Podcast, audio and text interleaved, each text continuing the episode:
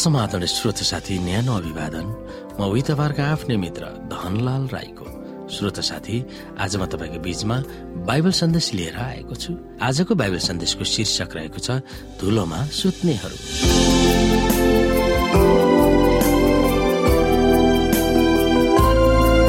श्रोत साथी नयाँ करारले मरेकाहरूको पुनरुत्थानको बारेमा धेरै चर्चा गरेको हामी हेर्नेछौ। मरेकाहरूको पुनरुत्थान हुन्छ भन्ने मामिलामा पुरानो करारले गरेको चर्चा हामीले हेर्यौं पुरानो करारका पात्रहरूले मरेकाहरूको पुनरुत्थान हुनेछ भन्ने कुरामा हामीले जस्तै तिनीहरू पनि आशावादी थिए। यसुको समयमा रहेकी मार्थामा त्यही आशा थियो। योहन्ना चौध अध्यायको चौबिस। त्यसको अर्थ कतिपय यहुदीहरूमा अन्तिम दिनमा पुनरुत्थान हुन्छ भन्ने कुरालाई विश्वास गरेका थिए तर कतिपयले विश्वास पनि गरेका थिएनन्। पुरानो करारका अगमवक्ताहरूमा दानियल पनि एक महान अगमवक्ता थिए। उनले पनि पुनरुत्थानमा आशा राखेका थिए। हामी हेर्न सक्छौ दानियल बाह्र अध्यायको एकदेखि सुती वस्त्र पहिरेका स्वर्गदूतले भन्दै गए त्यस बेला हाम्रा मानिसहरूको रक्षा गर्ने महान राजकुमार मिखायल देखा पर्नेछन्। तब यस्तो सङ्कटको समय आउनेछ कि जाति जातिको सुरु भएको समयदेखि त्यस बेलासम्म त्यस्तो समय कहिले आएको थिएन?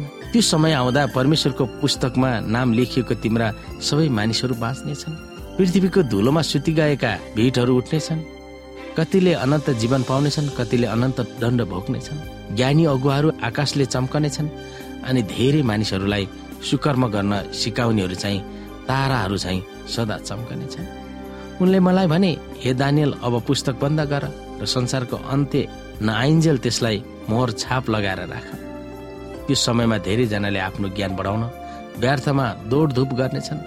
त्यसपछि मैले नदीका दुवै किनारमा एक एकजना मानिस उभिरहेको देखेँ। ती दुई मध्ये एकजनाले माथिल्लोपट्टि उभिरहेका सुती कपडा पहिरिएका स्वर्गदूतलाई सोधे यो अचम्मका कुराहरू हुन कति समय लाग्यो? उनले आफ्नो दुवै हात आकाशतिर उचालेर अनन्त परमेश्वरको नाममा एउटा गम्भीर प्रतिज्ञा गरे। मैले उनले यसो भन्दै गरेको सुने साढे तिन वर्ष लाग्नेछ। जब यी सबै कुरा भइसकेका हुनेछन् तब परमेश्वरको प्रजामाथिको अत्याचारको पनि अन्त्य हुनेछ। उनले भनेका कुरा मैले सुने तर त्यसको अर्थ बुझिन। यसकारण मैले सोधे हजुर यी सबै कुराको अन्त्य कस्तो हुनेछ? दानियल तिमी जब जानै पर्छ किनभने यी कुराहरू गुप्तमै राख्नु पर्नेछ र अन्त्य नआएसम्म यी लुकाएर राख्नु पर्नेछ धेरै मानिसहरू पवित्र निष्कलङ्क र निर्मल पारिनेछन् दुष्टहरूले केही बुझ्ने छैनन् र दुष्ट काम गरि नै रहनेछन्। ज्ञानीहरूले मात्र यी कुरा बुझ्नेछन् दैनिक बलिदानहरू रोकिएको दिनदेखि अर्थात् भयानक नाशकर्ताको दिन सुरु भएदेखि बाह्र सय नब्बे दिनहरू बिति जानेछन् ती मानिसहरू धन्यका हुन् जसले तेह्र सय पैतिस दिन बितुन्जेलसम्म आफ्ना विश्वास जोगाइराख्नेछन्। अनि हेर दानियल तिमी अन्त्यसम्म विश्वासयोग्य भइरह। त्यसपछि तिमी मर्नेछौ तर समयको अन्त्यमा तिमी आफ्नो इनाम लिन जीवित भई उठ्नेछौ। दानियल बाह्र अध्यायको एकमा मिखाइललाई महान राजकुमार बाइबलमा प्रधान स्वर्गदूत वा प्रधान राजकुमार भनेर सम्बोधन गरेको छ। तर किङ जेम्स सहित अधिकांश अङ्ग्रेजी बाइबलहरूमा महान राजकुमार भनेर सम्बोधन गरिएको छ। त्यो को हो भन्ने कुरामा धेरै विवादास्पद छ। दानियलले देखेका प्रत्येक महान स्वप्न दर्शनको अन्त्यमा ख्रिस्ट उहाँको राज्य प्रकट हुने कुरामा चर्चा गरेका छन्। दानियल बाह्र अध्यायको एकमा पनि त्यही अर्थ लागू हुनुपर्दछ। दानिलको पुस्तकमा त्यही ईश्वरीय व्यक्तिलाई सेनाहरूको राजकुमार राजकुमारहरूका राजकुमार र अन्त्यमा मिखायल महान राजकुमार भनेर सम्बोधन गरिएको छ। त्यसै कारण मिखायल भनेर सम्बोधन गर्दा ख्रिस्टलाई सम्बोधन गरेको भनेर हामीले मान्नु पर्दछ पुरानो करारमा उल्लेख गरिएका पुनरुत्थानमा प्राय जसो धर्मीहरूको पुनरुत्थानको बारेमा चर्चा गरेका थिए। तर दानियल बाह्रमा दुवै धर्मी र अधर्मीको पुनरुत्थानको बारेमा चर्चा गर्दछन्। जब मिखायल उभिनु हुनेछ वा देखा पर्नुहुनेछ तब अघि नै मरिसकेकाहरू मध्येबाट धेरैजना फेरि जीवित हुनेछन्। कतिले अनन्त जीवन पाउनेछन् कतिले अनन्त दण्ड भोग्नेछन्। कतिले यस पदमा यसुको दोस्रो आगमनमा केही निश्चित मानिसहरूको विशेष पुनरुत्थानको बारेमा चर्चा गरेको छ भनेर अर्थ लगाएको छ। तिनीहरूमा परमप्रभु प्रति दुवै निष्ठावान र उहाँलाई विश्वास नगर्ने वा विश्वासघातीहरू भनेर अर्थ लगाएका छन्।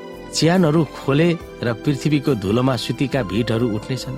कतिले अनन्त जीवन पाउनेछन् कतिले अनन्त दण्ड भोग्नेछन्। तीन स्वर्गदूतका सन्देशलाई विश्वास गरेर मर्नेहरू चिहानबाट महिमित भएर पुनरुत्थान हुनेछन्।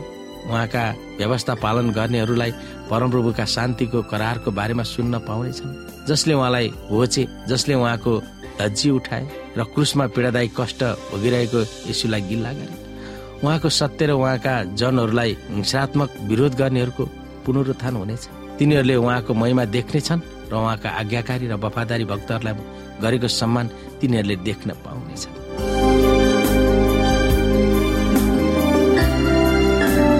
श्रोता साथी आजको लागि बाइबल सन्देश यति नै। हस्त नमस्ते। जय मसिंह।